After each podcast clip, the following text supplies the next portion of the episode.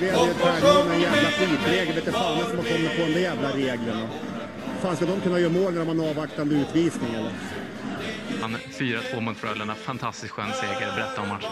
Nej, men jag tycker det, det är bra från början till slut och uh, vi kommer verkligen ihop idag. Det är en underbar publik här hemma, liksom. men de, de är ju lite kräsna också. De kan sin hockey. Liksom.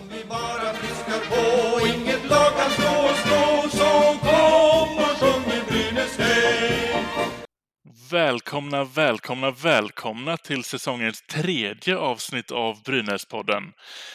Matcher har spelats, det har varit en förlust, det har varit två vinster inom veckan som varit, men jag måste ändå säga att som göteborgare så har det varit en otroligt bra helg hos, här, eh, hos mig. Hur har det varit din helg varit, Viktor? Ja, men den har varit eh, underbar, men ändå lite frustration också, men vi kommer mm. närmare in på det. Men eh, som sagt, jag kan säga att eh, Stockholm har bara lyst av kärlek tack vare Brynäs den här helgen. Ja, det har varit en helg som nästan eh, går till historien. Nästan. Lite, liten besvikelse, men... Mm. Vi kommer till det igen. Jag, jag håller med dig. ja, men vi har lite grejer att, eh, att tugga oss igenom. Det har ändå varit eh, några nyheter här längs med veckan som har varit, utöver matcherna då. Men, eh, men jag tycker vi hoppar, in, hoppar direkt in på det roligaste. Vi har ju faktiskt, som vi har hintat om tidigare, fått upp våran merchandise här nu. Vi har ju, finns ju på Podstore. Precis, det är ju ett samarbete som Brynäspodden nu har med podstore.se. Och där kan man ju köpa assnygg mugg till exempel. Ja, just det. Inte bara mugg. Det finns ju eh, t-shirtar, det finns lite hoodies, det finns eh, tygkassar, det finns eh, något för alla. Verkligen, och det här är ju ett bra sätt om man vill stötta Brynäspodden. Eh, det är absolut inte så att vi på något sätt vill konkurrera ut Brynässhoppen, eh, utan eh, det är klart att man ska stötta Brynäs IF i alla väder och vindar. Men vill man stötta vårt jobb i Brynäspodden och samtidigt ha en snygg tröja eller en väldigt, väldigt förtjusande mugg. Alltså jag älskar den här muggen av någon anledning. Ja, Ni kanske bra. märker. så, så här, gå in på podstore.se och sök på Brynäspodden. Det funkar ju också om man bara vill se allmänt snygg ut. Verkligen, och det här är ju faktiskt ett önskemål som vi fick från er tittare när vi lanserade våra nya supersnygga logga också. Så att eh, det här är ju en idé som kom från lyssnarna. Mm, så det är precis. jättekul att faktiskt kunna erbjuda den här möjligheten just nu. Men Fredrik, vilka är det som inte borde köpa Brynäspodden, eller Brynäspodden-muggen? Eh, det borde inte vara, eller ja, vem, alla borde göra det, men... Ja, ja, ja, men vilka behöver inte om jag säger så. Eh, våra patrons behöver ju inte det. Nej, inte på de som är Tord Lundström-nivå eller Ture Wickberg-nivå i alla fall. För att där är det ju så att de får en mugg av oss. Efter en viss tid ska sägas, inte på en gång. så de lojala Patreons kommer få en mugg av oss och det är en helt nytt, eh, ja, det är väl sätt för oss att ge lite tillbaka också skulle jag vilja säga. Och i samband med det här så vill vi naturligtvis tacka alla våra Patreons som har valt att stötta den här podden. Ni är guld värda och du som inte är Patreon, bli det. För det bjuds på lite annat också än bara den här avsnittet varje vecka. Ja, det dök upp lite Frölunda-Brynäs-historik innan. Ja, men precis. En genomgång genom historien vad Frölunda har betytt för Brynäs IF. Och sen också en lite specialare gjorde jag väl början av förra veckan också med den klassiska, vad ska man säga, Monte Afzelius, Gävlebon som sägs vara Sveriges första hockeyspelare. Det hade ingenting med Brynäs att göra, men jag vill ändå lägga upp den för det var ju ändå jävlig koppling i den historien. Ja, ja det kommer lite smått och gott. Precis, så att eh, gå in på patreon.com, sök på Brynäspodden, ladda ner Patreon-appen så blir du en del av oss i värmen. Får jag även hinta då om att eh, förra säsongen, eh, min eh, blooper-succé med backen Birgersson, den har fått en uppföljare. Det ska jag säga, den kommer ut strax på Patreon. Och, och jag måste hitta det där klippet när jag intervjuar Sundlöv och Ove Molin ringer och stör hela intervjun också. Just det. Uh, ja, jag måste leta det jävla klippet, för det är otroligt roligt. Uh, men det är bara för Patreons. Ja, in på Patreon eller ladda ner appen. Samlat Skellefteå-försvar, Jakob Silfverberg. Men, men vilket mål han gör! Vilket mål han gör, Jakob Silfverberg! Nu har han gjort flest mål i en SM-finalserie i ett SM-slutspel genom tiderna. Men vilket mål han gör! Veckan som varit har även bjudit på lite, på lite nyheter kring restriktionerna här i landet. Den 29 september så är det faktiskt så att man slopar helt och hållet det här eh, maxtaket på hur många man får ta in på arenorna. Berätta för mig nu Fredrik, hur kändes det för dig när du läste den nyheten? Ja, direkt gick det, det var ju rak, raka vägen in på sociala medier. Och det var nästan så att jag drog med, drogs med i den här eh, skjut på premiärdagen till ja, 30 då. Eh, otroligt skönt. Jag är, jag är så redo att dra upp till Gävle första hemmamatchen. Det har väl kollat upp, det är väl mot, eh, jag glömmer bort det bara för det, men det är tredje, andras eh, oktober blir det väl? Precis, eh, och eh, då ska det vara fyll, fullt på läktaren. Ja, det utgår jag iskallt från. Eh, jag personligen, jag satt och jobbade. Jag sitter ju i centrala Stockholm i sånt här härligt varmt och kärleksfullt kontorslandskap.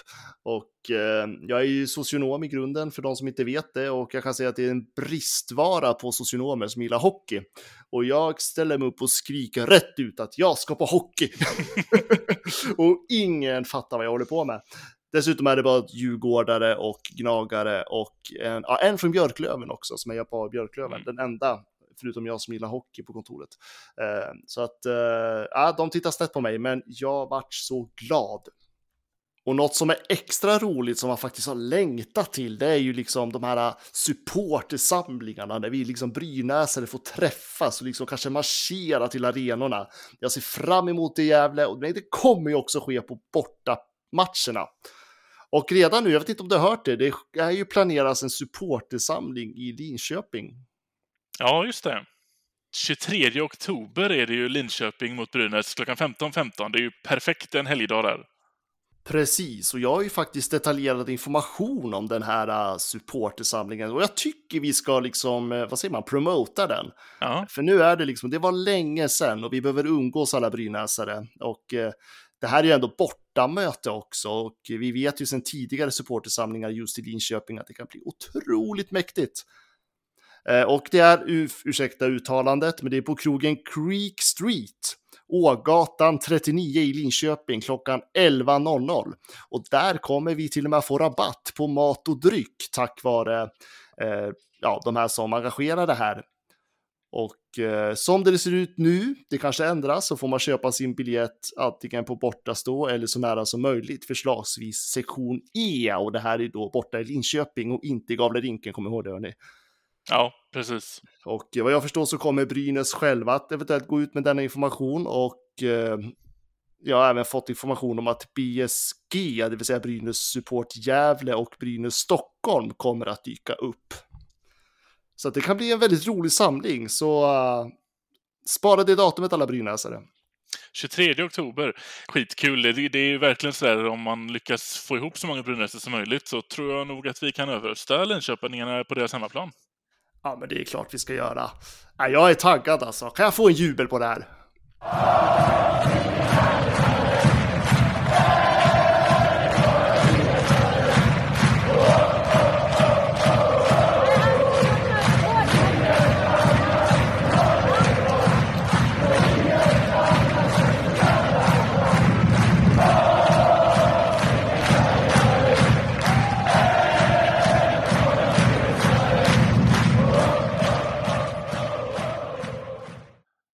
Det har ju spelats lite matcher här i veckan. Det har ju varit två i damerna hunnit med och bara en för herrarna då. Eh, jag tänker att vi börjar väl med eh, damerna. Det har ju varit två hemmamatcher. Det har varit en mot Luleå, ärkerivalen, och så har vi Modo också. Först ut var ju Luleå. Hur kände du kring den matchen? Det blev ju 3-5 till Luleå som eh, tyvärr åkte och plockade hem tre poäng från oss. Ja, och det är väl där jag hamnar lite i den här besvikelsen som jag syftade på där i inledningen. Eh, jag måste faktiskt säga att jag har varit väldigt, väldigt besviken på Brynäs IF den matchen. Eh, man hade spelet, absolut. Eh, man, man hade faktiskt ett ganska fint spel emellanåt, särskilt i offensiva zoner. Men man måste ju säga att Luleå har ligans bästa målvakt och de har ett väldigt bra försvarsspel. Eh, det kan jag definitivt inte säga om Brynäs i den här matchen. Jag tycker att man agerar väldigt stappligt. Det är lojt, man hänger inte alls med när Luleå forcerar framåt. Eh, alltså Luleå kontrade ju till sig de här, den här ledningen. Och sättet Brynäs uppträder i defensiva zonen, alltså jag tyckte inte värdigt ett sånt här lag som har de här förväntningarna på sig. Och definitivt inte en premiär. Och sen kan, vet jag att det är fler som har skrivit, ja men det är premiärnerver och ena efter. Ja, men många spelare kommer från landslagsturneringar inför den här matchen. Mm. Och det här är ju liksom de ledande spelarna i Brynäs IF, de ska ju liksom, de ska ju ta tag i det här. Och man möter precis som du säger Luleå som är liksom den största rivalen i ligan just nu. Och jag tycker inte att Brynäs var med i matchen på samma sätt som Luleå var. Och, jag, och för mig blir det liksom, jag, jag har varit besviken. Ja, man förväntar sig ändå att den här ehm, att det ska vara någon professionaliteten ska kunna göra att det här, de här premiärnerverna, när det ändå handlar om att det är mot Luleå, det är det viktigaste laget vi har att slå den här säsongen, att man ändå kan uppträda på ett eh, bättre spelande sätt. För det, det, det var rätt tydligt från början tycker jag att det här kommer vi inte ta. Nej, men det var verkligen det och jag, jag vet inte, alltså känner jag eh, huvudtränaren Henrik Glas rätt så var ju han jäkligt besviken efter den här matchen. Ja. Eh, och han har ju liksom talat flera gånger om att vi ska sluta linda in, oss, linda in oss i bomull och han har ju till och med bett supportrarna att sluta linda in oss i bomull. Mm. Och jag håller fan med, och ni ska fan käka taggtråd. Det är den förväntan jag har på det här laget. Eh, sen absolut, första matchen på säsongen, jag, jag, absolut, allt sitter inte redan nu, det är inte det jag förväntar mig. Men när det är premiär på hemmaplan mot Luleå, fan var med i spelet på ja. alla plan. Eh, men sen, Brynäs gjorde mycket bra också, men eh, det var mycket som eh, fattades. Och det är klart, jag, jag saknade ju såklart Katarina Mrazova. Det var tydligt att hon var borta och hon kommer vara borta en tid, men nej, jag vet inte. Jag, jag, jag kände inte att Brynäs var med i spelet och det var många gånger som Luleå bara kunde glida igenom Brynäs-försvaret utan någon större liksom, ansträngning och nej, jag skakar på huvudet. Ja, nej men det är ju lite så samtidigt att det, med det här laget som vi har så visst, alltså var en jätteskicklig spelare och hon betyder mycket för laget, men vi, det, det, det ska inte vara det som är skillnaden på om vi förlorar så här mot Luleå på hemmaplan. Det, det, det är svårt att hitta någon enda ursäkt för det faktiskt. Ja, men lite så. Jag tänker Luleå, Luleå är ett bra lag. Luleå kommer vara med och tävla. Jag tycker inte att de är lika bra i, eh, i år som de var förra året, inte på pappret om man får säga så. Men eh, det, det, är fortfarande en av Brynäs absolut största konkurrenter och det är ju dessutom laget vi förlorade mot, mot finalen i mm. våras. Mm. Och Brynäs har skyhöga förväntningar på sig. Man inleder på hemmaplan. Fan, då är det tävling alltså. Då ska, ja. man, då ska man köra på. Som jag sa, flera av våra bättre, bättre spelare kommer från landslagsmatcher. Det är liksom det är ju inte premiär för säsongen för dem, även om det är premiär i SDHL. Mm nej, jag, nej, jag, jag förväntade mer i den här specifika matchen. Sen förstår jag också att eh, det är klart att spelet inte sitter på alla plan än. Det förstår jag och jag har respekt för det. Men nej, Brynäs, de var inte med, inte alls. Nej, det är lite synd just för att man, man hade hoppats lite så här på att man skulle komma in i det direkt och vara verkligen ta tag i stafettpinnen eller ta tag i den här serien från start och, och inte släppa egentligen. Så det, i det perspektivet kanske det var lite synd att vi mötte Luleå just i första matchen. Kanske hade velat ha dem i andra eller tredje bara för att få spela in sig i en tävlingsmatch hela laget. Men, men nej, man, det byttes på istället och så fick vi ju Modo då som andra match i söndags. Det var ju lite skillnad, men då får man ju också ge dem att det är lite skillnad i motståndet. Ja, SDHL, alltså det är ju SDHLs största problem. Det är ju att det är sån fruktansvärt ojämn liga. Eh, och Modo är ju inte det som Modo var för ja, men, tre, fyra år sedan. Nej. Eh, och eh, det, det, var väldigt tydligt och jag tyckte redan, även på den matchen så tyckte jag att Brynäs var inte särskilt bra i försvarsspelet där heller. Och vi pratade inför säsongen att det där kommer ju vara lite av Brynäs akilleshäl, precis som det var i fjol. Mm. Eh, men däremot så, om man ska ta med sig någonting positivt från Modo är just att man, ja men där vart det i alla fall en målproduktion som jag ändå förväntar mig av Brynäs på ett helt annat sätt. Eh, och, och Modo var ju inte alls på samma nivå som Brynäs var. Så att eh, det, det är klart att det är ett viktigt steg åt rätt håll såklart. Ja, precis. Det, mm, jag ska väl tillägga då, det blev ju 8-3 till damerna här mot, mot Modo, så att de målen som väl inte kom mot Luleå fick man ju kanske lite lättare att, att putta in mot, uh, mot Modo. Men han har ju fått säsongens första vinst i alla fall. Ja, men absolut. Och jag, jag är jättenöjd med den. Men jag, jag blir lite bekymrad över, alltså det, det känns så osynkat i försvarsspelet på något vis. Och jag hoppas att det är en grej de kan träna bort under säsongen. Och, och jag tror varken att ja, men Filip Eriksson eller Henrik Glas är särskilt nöjda med det. Och jag tror det kommer gnuggas på rejält där. Det är i alla fall vad jag förväntar mig. Ja. Ja, och det... Precis, det är ju lite så som att nu kommer jag ju kika på, på de andra dammatcherna, självklart som de ska spela, men jag ser ju egentligen bara framåt när jag möter vi Luleå igen och får trycka dit dem. Ja men, lite så är det ju faktiskt. Och nu om det är någon som tycker att jag är väldigt hård mot Brynäs så är det ju för att jag förväntar mig att det här är ett guldlag. Det är på den nivån jag tittar på Brynäs, så det är ju inte så att eh, det är liksom, nej men jag vet inte, det, jag tycker då ska, ska man bygga någonstans en vinnarmentalitet så ska man ställa höga krav och det är, det är där jag står i Brynäs damlag just nu. Ja. Så vi får se, jag får se om jag håller mig konsekvent över hela säsongen. ja, något som eh, vi kan ju gå vidare till den andra, på andra sidan eh, pölen, då har det ju faktiskt spelats en match i Göteborg också. Precis, och eh, vill du min gode vän säga resultatet? Oh, det var så nära det jag tippade förra avsnittet. Ja, det var ju verkligen det. Jag tänkte på dig då. ja, exakt. Jag satt där och väntade. Nu måste ni plocka målvakten. Och så kommer det till här. Men jag tippade 5-2. Det blev 4-2. Ja, får jag en jubel?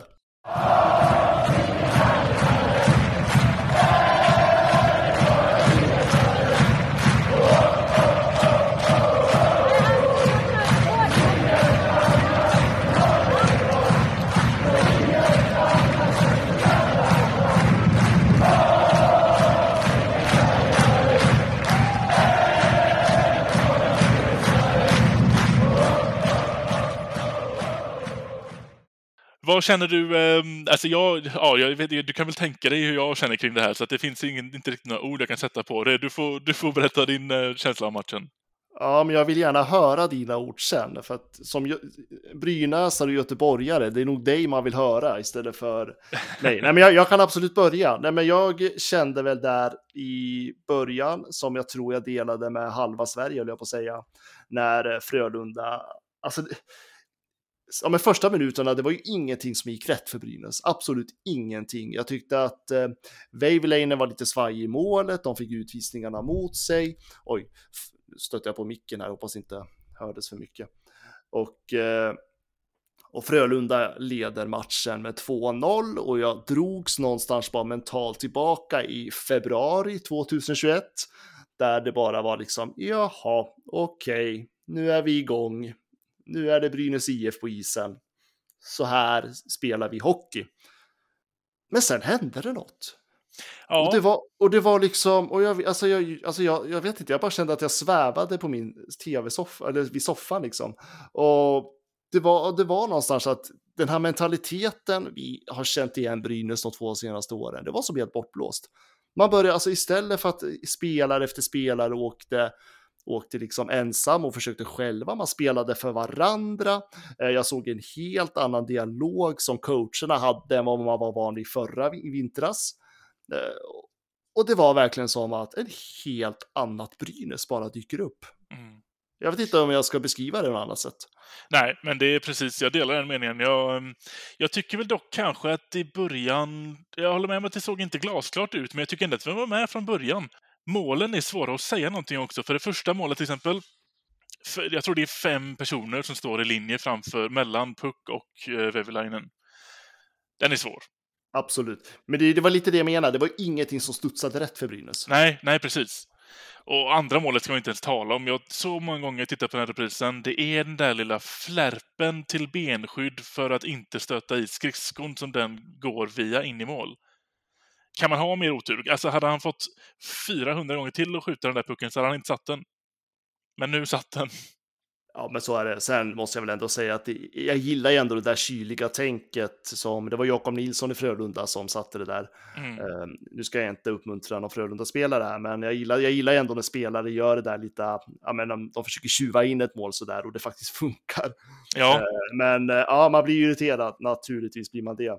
Men sen händer ju någonting och det är ju liksom Oskar Eklind som jag faktiskt varit förvånad, förvånad över, på ett positivt sätt. Mhm. eh, i den här matchen som ja, men, drar iväg och där framför mål står ju Niklas Danielsson och sätter 2-1 målet. Timing och allting otroligt viktigt för hela matchen skulle att det kom där och det det gjorde. Ja, men absolut. Och det sattes ju, alltså där ställdes, de gav ju ett helt annat läge i matchen inför den andra perioden. Och då slutade vi även ta de här knasiga utvisningarna som, som hela första perioden egentligen pryddes av. Ja, men det var ju lite så. Jag tror, jag, jag vet inte, alltså, det var ju där jag kände liksom att Brynäs gick samman på något vis. Som jag, är van, alltså, jag är inte van att se Brynäs på det de här senaste två, tre åren. Eh, Man ligger under med 2-0. Jag menar, det Brynäs jag kände skulle jag säckat ihop totalt. Ja. Istället gjorde man inte det. Man spelade uppoffrande hockey, man spelade för varandra. Eh, Det var liksom, det fanns fortfarande en, en hockeyglädje i spelet på ett sätt som, nej, det var länge sedan jag såg det. Ja. Eh, Och jag tänker liksom, ja men bara ta en spelare som Tom Hedberg. Ja. Vad har han fått det självförtroendet ifrån? ja. Det, var inte var- så att, det är inte så att jag har sett, så, sett såg det i vintras. Nej, det var några iskalla dragningar han gjorde där, där det ryckte till hela vägen i ryggmärgen. Ja men verkligen, och jag tänkte, och jag tänkte framförallt också på tredje kedjan där, nu ska vi se, det var väl eh, Emil Molin och Linus Ölund och Niklas Danielsson. Mm. Alltså det finns något där. Det Ja. finns något där. Alltså den där trea, håll, håll, håll fast vid den där, Manner, Mikko. Ja, faktiskt. Och liksom, ja men liksom, ja men Niklas Danielsson visade ju liksom ett, ett spelsätt som jag inte har sett sedan han, ja men det var väl senast han spelade Mantel och Greg Scott för två, tre säsonger sedan. Mm. Då han faktiskt var rätt bra.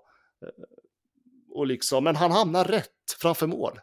Ja. Och det är liksom positionera sig på ett helt, på ett sätt som man inte hamnade i förra, förra året.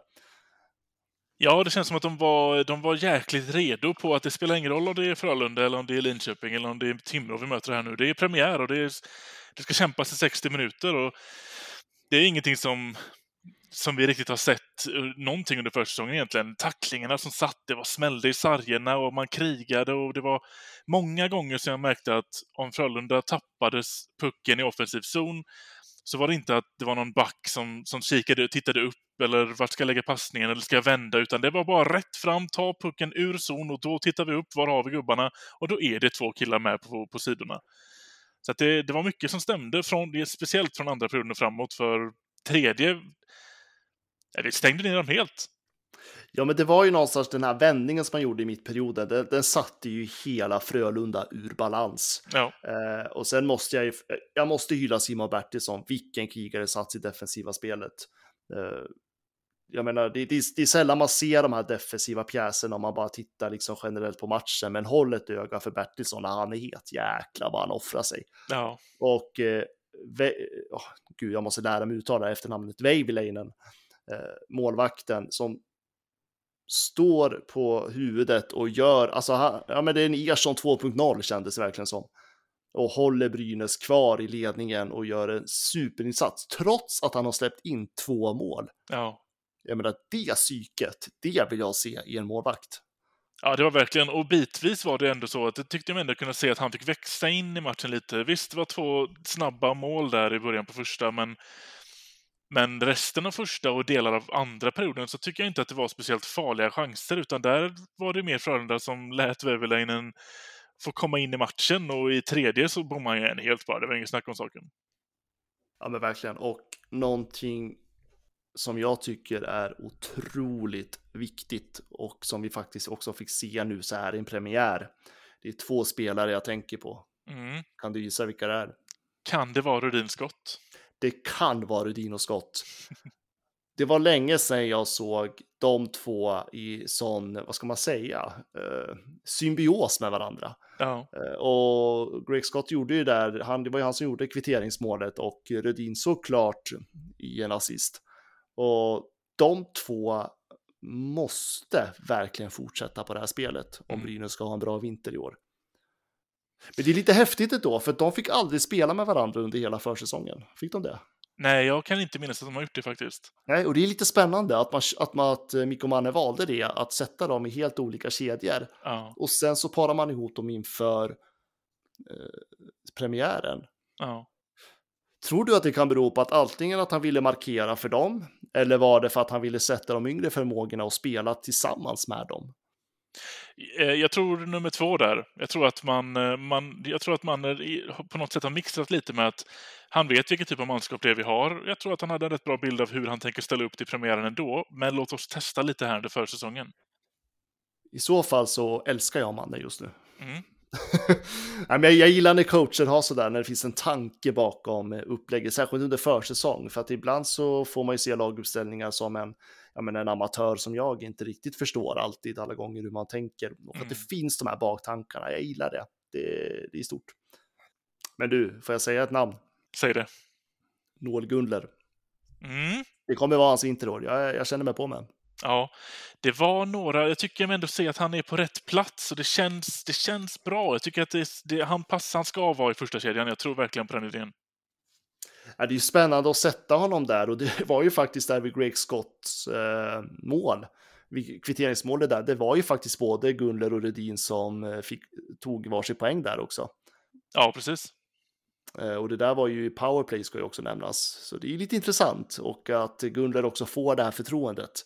Det är ju många, det är ju många stora hockeyvetare som tänker att Gunle kommer ta nästa kliv den här vintern, så att det ska ju bli Ja, jag, jag, är, jag, jag är spänd på att följa, följa honom den här vintern, det är jag helt klart. Ja, och det är också lite spännande. Jag tycker också att vi ska ha den förväntningen, för det var ju även det han värvades för. Jag tror att alla är väl medvetna om att om han tar det här klivet nu så vet jag inte om vi har kvar honom nästa år ens. Det kan vara så att han, eh, och har vi det så stannar han ju inte definitivt inte ett år till efter det.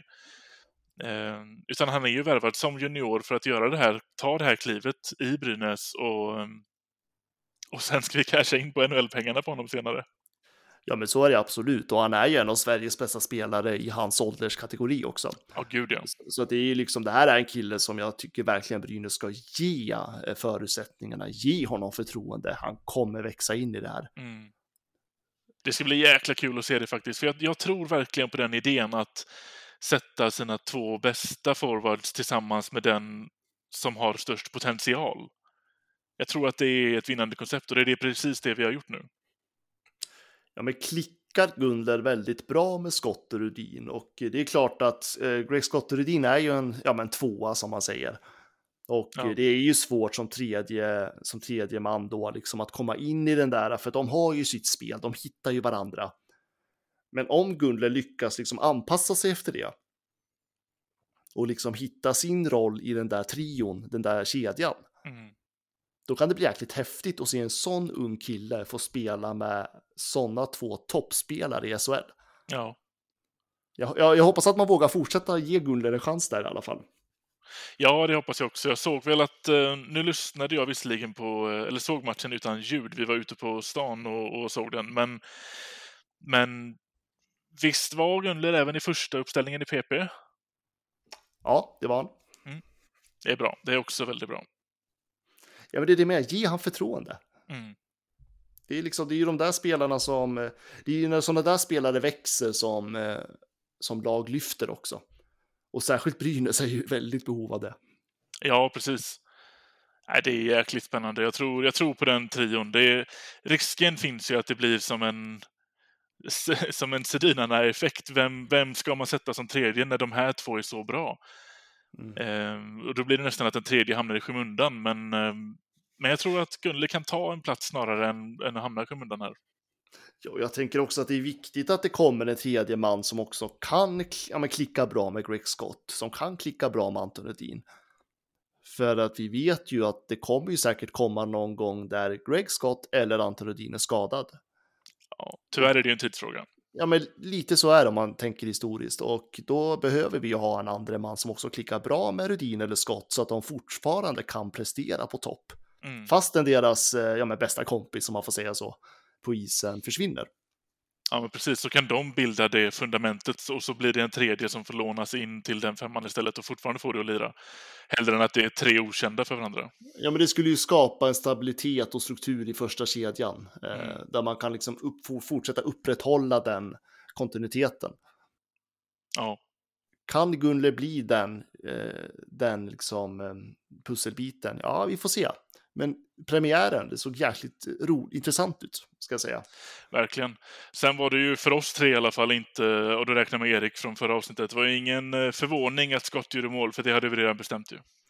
Ja, det tänkte jag faktiskt också på. Vi sa ju faktiskt det, så att det är klart att eh, Greg Scott lyssnar ju på det här, tänker Ja. jag, och sa okej, jag behöver göra mål, för nu har, vi, nu har Brynäspodden sagt det. Ja, Från ingenstans Leif, det går inte! Han gör mål! Vilka handleder, vilken spelare! Men om vi landar lite på jorden igen då, eh, Fredrik. ja inga garantier på det, men jag ska försöka. Ja, nej men eh, för det blir ju någonstans så här, ja, det här var en bra premiär. Eh, Väldigt bra premiär måste jag ändå säga. Mm. Det är inte så att jag har lyfter Brynäs i tabellen om jag tänker på vad jag har tippat den här säsongen, utan det är ju nu som ledarskapet kommer att bli väldigt avgörande för laget, för att nu, nu, kommer det, nu handlar det ju mycket om vad tar man med sig efter den här vinsten. Ja. För Förvalta det spelet som var. Ja, men precis, för kommer du ihåg vad som hände när Brynäs vann med de här siffrorna för två säsonger sedan? Ja, vi åkte väl till Linköping och torskade på ehm, övertid och sen var förfallet ett faktum. Sen var förfallet ett faktum och ändå så hade vi då en huvudtränare som står framför Simor och säger att ja, men vi vet att vi kan bättre för det visade vi i premiären mot Frölunda. Mm. Och det här var då typ i november, december. Och liksom någonstans att man, man skapade sig en, en så här skev självbild att man var bättre än vad man var och det Ja. gick absolut inte bra.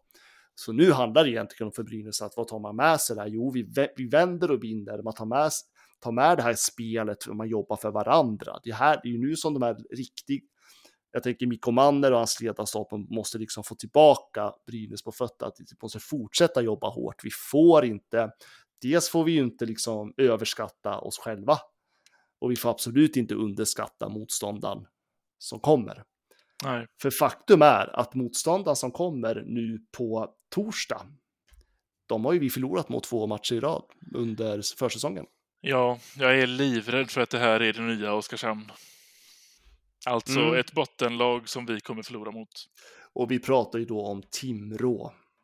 Så ska väl förtydligas också. Ja. Eh, Det är Timrå som väntar på torsdag och de inledde ju ganska spännande, men de förlorade ju till slut mot Oskarshamn med ja, ja, 5-4 till Mm. Oskarshamn. Va- Den matchen ledde de ett tag också. Ja, den svängde lite grann den här matchen. Jag, Mm. såg, jag såg faktiskt lite grann av den. Jag var typ nära på att eh, sappa till den när Brynäs låg under med 2-0 ett tag, rent mentalt. Erkänn inte det för folk. men, eh, nej, men, men eh, sen så visade ju Danielsson att det ska jag fan inte göra. Ja. Så att det, det, det, det är lugnt. Men vad, vad får du för känsla för den här matchen? För nu har vi ett Brynäs här som har väldigt god känsla i laget. Ja, eh, jag, jag måste säga att jag är, jag är glad över vinsten och tycker att det var... Ehm, det lyfte verkligen. Jag tror att det är, bara, det är såklart bara positivt för laget, men jag är livrädd. Jag är verkligen rädd för att det här är det nya Oskarshamn och just för att vi har förlorat mot dem på försäsongen två gånger. Och det är ett bottenlag som vi måste slå. Och när det kommer till matcher som vi måste vinna så lever vi inte alltid upp till dem. Så att jag, är, jag är rädd. Mm. Finns det någonting som kan lugna dig? Ett tidigt mål. Två tidiga mål. Ja, gärna det. Nej, men jag tänker så här, jag, jag tror, alltså på nå- någonstans tycker jag att det är bra att Brynäs möter Timrå just nu. För att man kommer från den här segern från Frölunda. Eh, Man vet att det fortfarande finns ett otroligt press på Brynäs den här säsongen. Mm. Eh, Det handlar ju fortfarande om att vi behöver överleva. Och vi möter ändå ett lag som vi har förlorat mot två gånger under försäsongen. Mm. Tror du inte att det kan bli ett riktigt nu jävlar? Tredje gången gilt. Vi vände och vann borta i Skandinavien mot Frölunda. Vi kan fan ta Timrå också. Exakt. Jag tror, att, jag tror att det är så det kommer gå till och jag hoppas det. Och jag håller med dig i hela den här tanken om att jag tycker att det är bra att vi möter Timrå nu direkt när det väl gäller någonting igen. Eh, Så att jag, det, stjärnorna står i linje, men jag är fortfarande livrädd. Ja. Eh, jag, jag, jag, hör vad du säger, men jag tänker att eh, Brynäs har mött Timrå två gånger. De vet vad som gäller för att slå Timrå och det är att de måste vara lika fokuserade som de var när man låg under med 2-0 borta mot Frölunda i Skandinavien. Den känslan ska de ta med sig. För att jag har tittat lite grann, inte hela, men jag har kollat, kollat lite kort på den där matchen så här efteråt. Och... Ah, fan, vi kan ta Timrå. Ja, och det är ju det. Deras premiärmatch som var böljande fram och tillbaka var ju samtidigt mot Oskarshamn som inte heller förväntas bli ett, ett stort lag. Så det var ju... Man kanske inte ska bygga för mycket eh, utifrån den matchen i och med att det var, det var ju två förväntade bottenlag, men det är ju vi med. Ja, jo, det, det är vi, men eh, ska, man bara ut... ta dem. ska man bara utgå från premiären så kan jag ju säga att Brynäs står en nivå högre. Men det, det precis, det gäller ju vad kommer Brynäs med för självbild när de möter Timrå på hem. Nu är ju Brynäs hemmaplan dessutom Mm. och det är det också tänker man. Hemma, första matchen på hemmaplan. Det kommer bli lite publik på läktarna. Möter Timrå tredje gången gilt. Nu jävlar. Fan, S- ska inte vara så jävla svårt. Men alltså, för, alltså någonstans, jag tror att det hade varit- hade varit skillnad om man inte hade mött Timrå någonting under försäsong. ja, och det tror jag att- med. Och tänker så här, vi, vi vänder och vann mot Frölunda, nu, nu möter vi det lag som är tippat att komma sist i hela serien. Ja, Jag man tror, här, förväntar sig att köra över dem enkelt. ja, men, ja, men jag tänker det, jag tror man slappnar av lite, nu först, som grupp. Nej, men jag tror det är bra, jag, jag, jag tror på, jag, jag tror. Om vi tippar Timrå-matchen då? Eh, nej, uff, okej. 3-1 Till, till Brynäs. mm, ja, jag står också på det, 3-1 till Brynäs. Mm. Usch, Säg en målskytt också. okej. Gunler. Ja, bra sagt, bra sagt. Mm, vilken ska jag ta då? då? Det är ju fegt om jag säger samma som dig. Ja, det får du inte göra. Nej, ja, men eh, då säger jag att Anton Rudin sätter den. Ja, bra. Spela på det säkraste kortet. ja, säkraste kortet, han som inte gjorde... Han gjorde väl inget mål på försäsongen? Nej, men han gjorde assist på premiären. Mm. och det jag såg av honom och Greg Scott i Frölunda, jag vill att de ska ta med sig det hem till Gävle på torsdag mot Timrå. Mm. Och sen efter det, då kommer Brynäs att besöka vår kära huvudstad mot Djurgården lördag den 18 september. Den har, jag har jättedålig koll på Djurgården i år faktiskt. Mm. Vad, vad är det för lag? Vad förväntar vi? Vad tror vi om dem ens? Jag har jättelåga förväntningar på Djurgården och jag vet ju att de, de letar ju lite ljus och lykta efter förstärkningar faktiskt. Eh, de har ingen bred trupp på pappret och eh, nej, jag, jag, jag, jag har på alltså förhand nu, jag har inte jättemycket respekt för Djurgården. Eh, de, de fick spö med, mot Skellefteå med 5-2 i premiären också på hemmaplan. Eh, Jag tror, jag tror att det, det, det skakar lite under Djurgården just nu av, av det jag hör. Så att ja, det är... Nu ska vi se, jag tänker vilka möter Djurgården på torsdag då? De möter Linköping, ja det kan nog bli jämnt, jämn batalj mellan dem. Ja, Eh, Men skulle Djurgården förlora mot Linköping då, har, då är de pressade. Då är de pressade. ja, verkligen. Så att eh, nej, jag, jag har inte jätterespekt för Djurgården i, i den här säsongen. Absolut inte. Bra. Det lugnar mig. Det känns bra. Mm. Men Det värsta är att det är ju matcherna man säger så, det är då det, det, är då det går åt eh, fel. Ja, tyvärr. Vi, ehm, den kommer jag ju då, vi snackade lite om det här tidigare, den kommer jag ju då missa för jag tänkte ju befinna mig på plats i Angereds arena när, när Brynäs kommer till Göteborg. SDHL-laget. Ja, vad roligt! Ja, det ska bli kul. Det blir första Mm. gången jag ser dem live i Göteborg. Ja, ja, men det tycker jag absolut att du ska, du ska få gå. Så bevakar jag Djurgårdsmatchen, helt enkelt. Ja, vi delar upp ansvaret. Det är ju trots allt hockeylördag. Jajamän. Eh, ja, men ska vi, jag tycker vi ska tippa Djurgården också då. Där, ehm, där får jag då säga 2-3 till Brynäs. Ah, gör vi verkligen tre mål? Ja, jag- 2-3 till Brynäs. Ja, ja, ja. Eh, bara för att jag har sänkt Djurgården nu så tror jag att det kommer bli helt tvärtom. Eh, men, nej, men jag säger 2-2. Mm, okej. Sen, sen vad som händer i en förlängning, det låter jag vara osagt. Eh, Vad har vi för målskyttar där då? beror ju helt på vad som händer i Timrå-matchen. Mm, ja, men eh, Ola Palve kommer att sätta mot Djurgården såklart. mm, mm. Ja, men jag, tar- jag tar två målskyttar, får jag göra det? Ja, absolut. Ja, men då sätter jag faktiskt eh, ja, men Ola, Ola Palve och eh, Genaway. Uff, det var den enda jag tänkte på inför Djurgårdsmatchen. Ganaway tänker jag kommer att eh, stänka dit ett i krysset.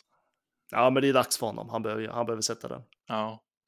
Bra, men då har vi nio poäng då nästa poddinspelning vi gör. Mm. Sju minst i alla fall om man går på eh, din plan där, men jag räknar med nio.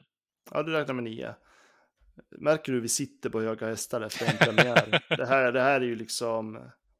Frölunda-syndromet får vi kalla det från och med nu. Ja, ja, ja. Det, det, risken är att det kommer bli så. Men jag, alltså jag vet inte, men alltså det är någonting med Mikko Manners ledarskap som jag gillar, som jag inte har sett tidigare och det gör mig tryggare. Och jag tror också att det gör spelarna tryggare. Jag tror det är därför vi ser ett Tom Hedberg bättre självförtroende. Det är därför jag tror att Gunle kommer utvecklas mer. Mm. Det här är en tränare som bygger så mycket i sitt ledarskap på att spelarna ska må bra. Mm. Spelarna ska känna trygghet.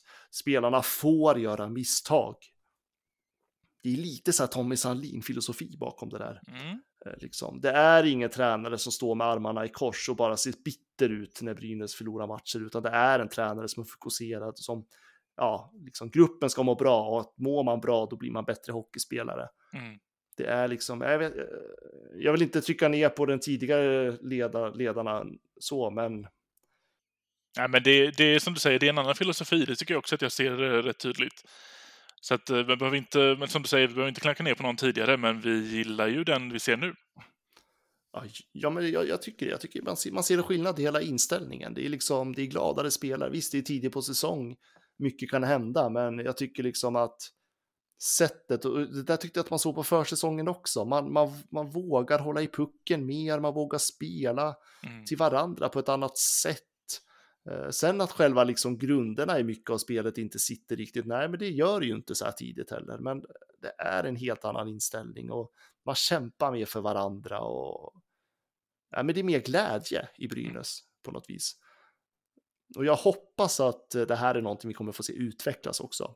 Ja. Men eh, ja, återigen, nu låter det som att vi tog hyllar det här laget. Jag tror fortfarande att det kommer vara ett bottenlag. ja, det tror jag med. Ehm, precis, det är ändå visst. Jag menar, även om det skulle gå, väg, gå vägen så här tidigt på säsongen så, så kommer vi komma i perioder där vi, där vi kanske åker från att ha Växjö hemma till Skellefteå borta och sen tar vi Luleå på vägen hem också. Det är liksom det är inte matcher vi alls kan räkna med att vinna, även om vi har haft ett bra facit fram till de matcherna. Så att vi, vi är inte där vi kan hävda oss mot de lagen och ehm, vi får leva på de här matcherna där vi faktiskt tror att vi har en chans, vilket jag tror att vi har de här i veckans kommande matcher, både Timrå och Djurgården, där har vi en, en, en chans ifall vi står upp bra och spelar Brynäs. Ja, det är en jättemöjlighet skulle jag vilja säga. Ja, Men det handlar ju om det här, hur förberedd kommer man på matcherna? Hur liksom noga är man? Eh, hur- hur liksom snabbt kan ledarna få liksom tillbaka gruppen på jorden igen så man inte får den här, ja men vad ska man säga, falska självbilden att eh, ja men så här bra är vi och då slappnar man av. Eh, Ja men Frölunda-syndromet som du mm. har valt att kalla det. det är myntat nu. Liksom, ja, men just att man får den här förståelsen för att ska vi vinna matcher, då är det hårt jobb liksom hela säsongen. Och vi behöver alltid liksom slita och kämpa för varandra på isen och eh, mellan, ja, men på träningar och liksom att man inte fuskar med någonting och liksom att man kommer förberett och fokuserat på matcherna. Det är ju det det handlar om nu. Mm. Och att man inte tror liksom att ja, men, det, är vi tillsammans som ska göra jobbet och inte att någon åker och försöker göra någonting själv som det såg ut lite grann förra säsongen. För det, det blir ju så när man blir desperat och lite osäker. Och, Ja. och det är det också jag gillar. Jag tycker liksom spelarna är trygga i rollerna. Även om det är klart att inte laget är satt 110 procent i alla strukturer, men ja, det är någonting. Sen vad det leder till, det får vi se. Ja, och knyta tillbaka lite till det som du sa tidigare i år, att man har gjort ett bra match mot Frölunda i premiären och sen går det dåligt, men man står ändå i november och säger att vi kan. Den får vi inte hamna i igen, utan då får vi ju snarare vinna vinna Timrå och Djurgården här. Och då, för då kan man ju säga någonting. Då har vi haft en, liksom en kontinuitet i att vi kan ta med oss bra saker till nästa match och vinna även den och göra det igen till tredje matchen. Det är någonting, snarare någonting sånt man får man försöker se tillbaka till om, när vi hamnar i de tuffa perioderna, för de tuffa perioderna kommer att komma.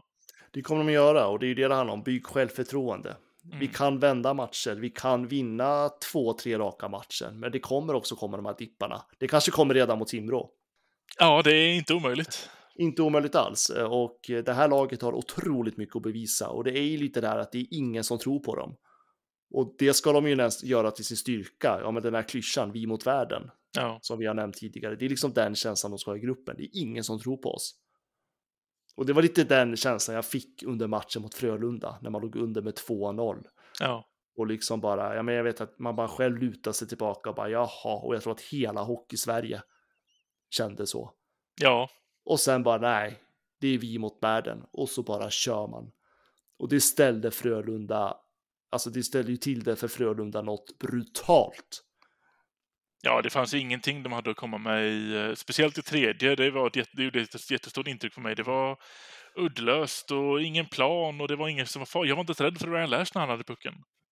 Nej, och, det, och han var ju otroligt het i inledningen av den här matchen. Alltså han, han lekte ju på isen kändes det som emellanåt.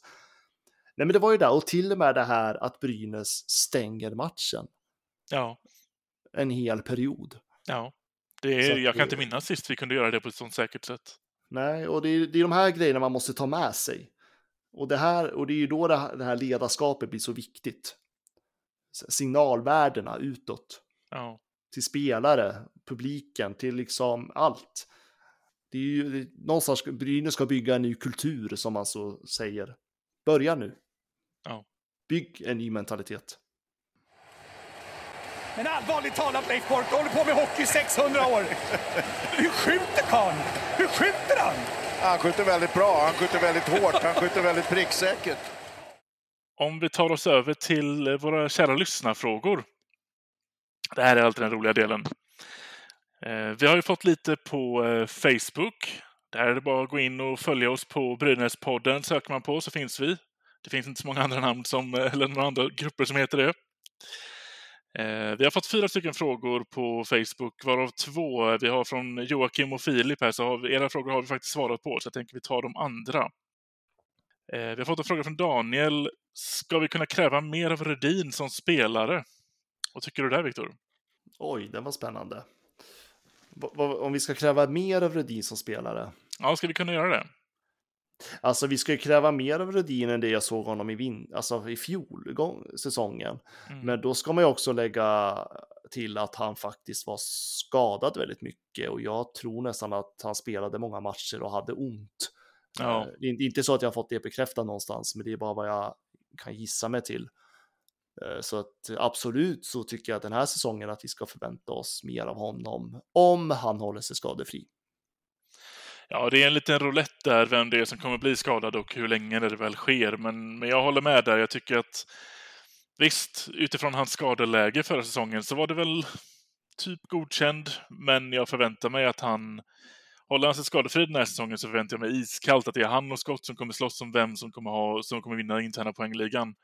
Och jag vill, jag vill kunna se en Rudin som går in och kan vända en match, åtminstone, inte, kanske inte genom att göra ett eget hattrick, men att leda laget till att vi vänder en match och även vara den som kan peta in de här riktigt avgörande målen, vilket jag inte tycker att han gjorde förra säsongen. Så att det, det finns lite mer att, att kräva, det tycker jag. Ja, men precis. Eh, Får jag, får jag säga en grej där? Mhm. Eh, Jag vet inte om ni kommer ihåg det, men vi hade ju faktiskt en intervju med Rudin. Ja, precis, förra säsongen. Eh, Och eh, det här är helt min känsla. Det var inte så att Rudin sa det rakt ut på något vis. Eh, Men jag fick en känsla att det kändes som att han och Peter Andersson inte klickade Mhm. riktigt. Eh, Att när jag pratade, jag ställde till och med frågan lite grann hur mycket, det tror jag till och med jag har med bland annat i den intervjun, ja men hur mycket spelarna hade liksom att säga till om, om, här, om ett spelsystem och sättet Brynäs ska agera och så. Där tyckte jag det kändes lite grann på som att inte, jag kan ha jättefel i det här, men det var min känsla på den intervjun. Ja, Eh, Och det, det kan ju, och så kan det ju faktiskt vara. Det behöver inte betyda att de hatar varandra, men ibland, man klickar ju inte med alla människor, så är det ju. Ja. Eh, Och det kanske är så att det funkar bättre nu med Mikko Mander. Jag hoppas det. Men det var bara en liten så här magkänsla jag fick under den Mm. intervjun. Men som sagt, det här är ingen sanning, utan ja, bara lite sidospår. ja men det, det, det är ju tyvärr det med person, personkemi, att man kan inte räkna bort det helt. Oavsett hur bra en spelare är så måste ju saker och ting klicka, både på isen och i privatlivet, liksom, för att det ska lira. Och det kanske det bara inte gjorde helt. Nej, men det är ju bara att gå till sitt vanliga jobb. Du jobbar ju bättre med kollegorna du klickar bättre med. Ja. Eh, och det är liksom, sen ska man alltid vara professionell, absolut, men man är inte mera människa heller. Så att, eh, ja, det var bara en liten så här eh, reflektion jag hade. Om vi går vidare till en annan fråga så har Roger ställt den här. Hur länge kan Brynäs vänta i fallet på Patrik Berglund? Mm, ja, det kan vi nog svara på till och med. Eh, tills den juridiska processen är över. Ja. Det är, och det är ingenting som Brynäs IF styr och eh, det är klart att de kan inte uttala sig utifrån att de är arbetsgivare till Patrik Berglund. Eh, det finns ett arbetsgivaransvar som man har i Sverige. Eh, sen har jag hört, jag tror till och med att vi sa det i våras, med de, den information jag har fått är ju att Patrik Berglund och Brynäs IF är ganska överens om att Patrik Berglund inte kommer vara kvar i klubben oavsett hur den juridiska processen slutar. Det är faktiskt så att Patrik Berglund är i hjärtat ett extremt stor brynäsare och vad jag har hört, som sagt, eh, ta det här med en nypa salt, så vill ju, Patrik, alltså Berglund förstår ju också skadan det här gav föreningen. Mm.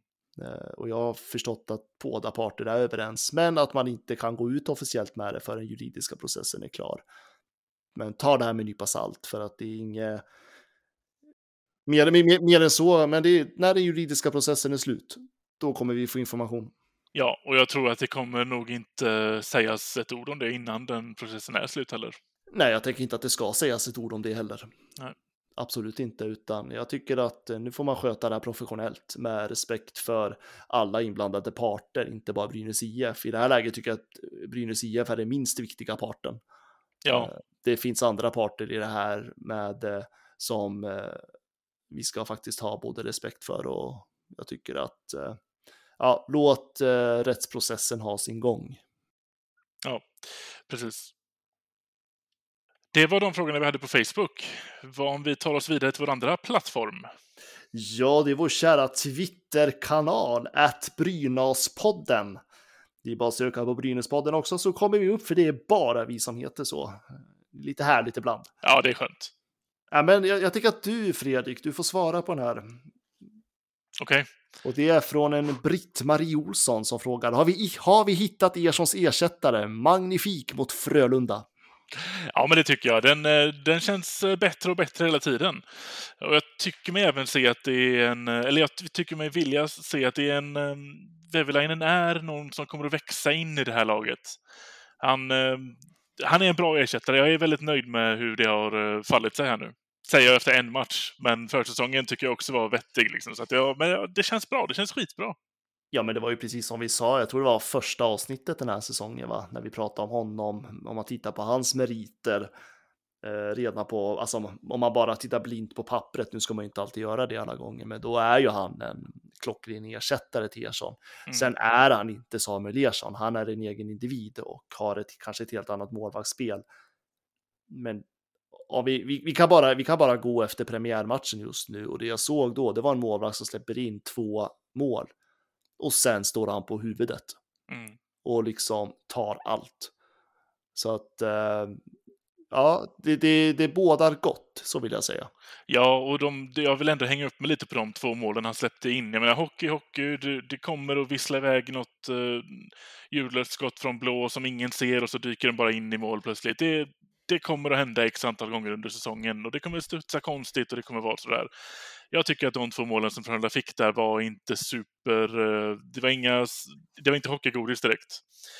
Eh, och det var två som var otroligt svåra för Webline ens kunna ta om man hade haft de chanserna igen. Så att, ja, det var en väldigt bra start av honom i, i Brynäs-tröjan. Ja, men så är det verkligen och eh, och även om, även om det är klart att inte han ska ta åt sig all, eh, i alla fall inte det 2-0 målet i alla fall, eh, så blir det ju ändå liksom, det, det blir ju ändå att han släpper in ett mål och jag menar målvakt är ju det psykologiskt svåraste eh, alltså vad jag säger, det svåraste. Ja, positionen. Ja, tack. Det är psykologiskt den svåraste positionen på isen. Eh, för att du måste liksom vara med i huvudet i 60 minuter hela tiden. Du kan mm. inte åka och byta och liksom bara ruska av dig ett dåligt byte, utan du ska stå kvar där liksom. Eh, och har du en dålig match, då har du en dålig match. Eh, och just att man får den här dåliga starten som man ändå fick, puckarna studsar fel och han och liksom, det kan möjligt att han kanske hamnar fel i någon position också.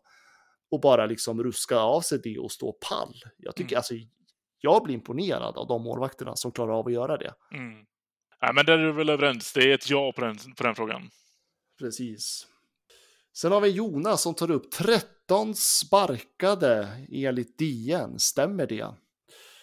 Det vill säga att det är 13 personer som varit sparkade från Brynäs IF under förra säsongen. Läste du den? Jag läste, jag var en sån, eh, vad heter det, rubrikryttare på den. Jag gick inte in och läste noggrannare mer än att jag, ja, 13 personer. Det är många. Ja, eh, om det stämmer eller inte, det tror jag inte att du och jag kan svara på till 100 procent, men jag, jag, kan säga mycket möjligt. Eh, man fick dra ner på personal på grund av att eh, ekonomin är som den är. Eh, det var ju många också. Det är otroligt många i Brynäs IF som inte heller var heltidsanställda ska man komma ihåg. Det var ju många Ja. som jobbade timmar eller som ja, men liksom jobbade lite extra åt föreningen och räknar man med de personerna så ja, då kanske man kommer upp i 13 personer. Mm. Men det var ju inte 13 heltidsanställda som jag förstod det när jag pratade med Brynäs i våras. Nej. Utan det, ja, men det var ju mycket så här, ja, men lite ströjobbare som man kanske inte riktigt hade koll på vad alla gjorde alla gånger heller. Eh, och sen så var det ju, det var ju tufft ekonomiskt läge. Det är klart som sjutton att man behöver krympa organisationen. Jag tycker det är helt eh, sunt. Ja, och sen som sagt 13, det är ju det är ju svårt för oss att, att bekräfta det där. Men, eh, men så som situationen ser ut så 13, mm, det låter nog, eh, det låter kanske mer än vad det märktes av i och med att, som du säger, 13 heltidsanställda är en helt annan sak än, än några stycken heltidsanställda och fyra, fem deltidare som, som man liksom måste kunna göra sig av med i sådana här tillfällen när ekonomin ser ut som den gör. Ja, men precis. Och sen var det rör, det var rörigt i organisationen. Det var Eh, det. Man, man rensade ut på många poster och det var många poster också jag tyckte var bra att man rensade ut. Eh, man fick in lite nytt blod. Eh, men det, vi pratade mycket om det där i våras, så vi går inte in på det nu tänker jag. Nej. Sen är det lite frågor om eh, ja, med våra målvakt och det är uppenbart att han har många lyft eller tagit ögonen på honom och det förstår Mm. jag. Många hattar har lyfts. Ja men verkligen. J20s tränarstrul påverkar resultatet i säsongstarten? Frågetecken. Ja, eh, det måste jag ju nästan säga att det tror jag absolut. Komma in och, och det var ju väldigt nära in på premiär som vi gjorde det här bytet. Att, eh, så att det, det tror jag absolut. Just det, och det var ju då David Åkerblom som lämnade precis innan säsongstarten och han ska bli NHL-scout för Calgary. Och det ställer ju såklart till det lite grann. Ja, men jag tror absolut att det kan bli rörigt eh, i början. Eh, det är ju liksom J20 är ju, alltså man ska ju skola spelarna också. Ja, det är lite mer känsligare dynamik där, tänker jag. Jag inbillar mig att det är det i alla fall, men sen tror jag att i längden så kommer ju det stabiliseras, absolut.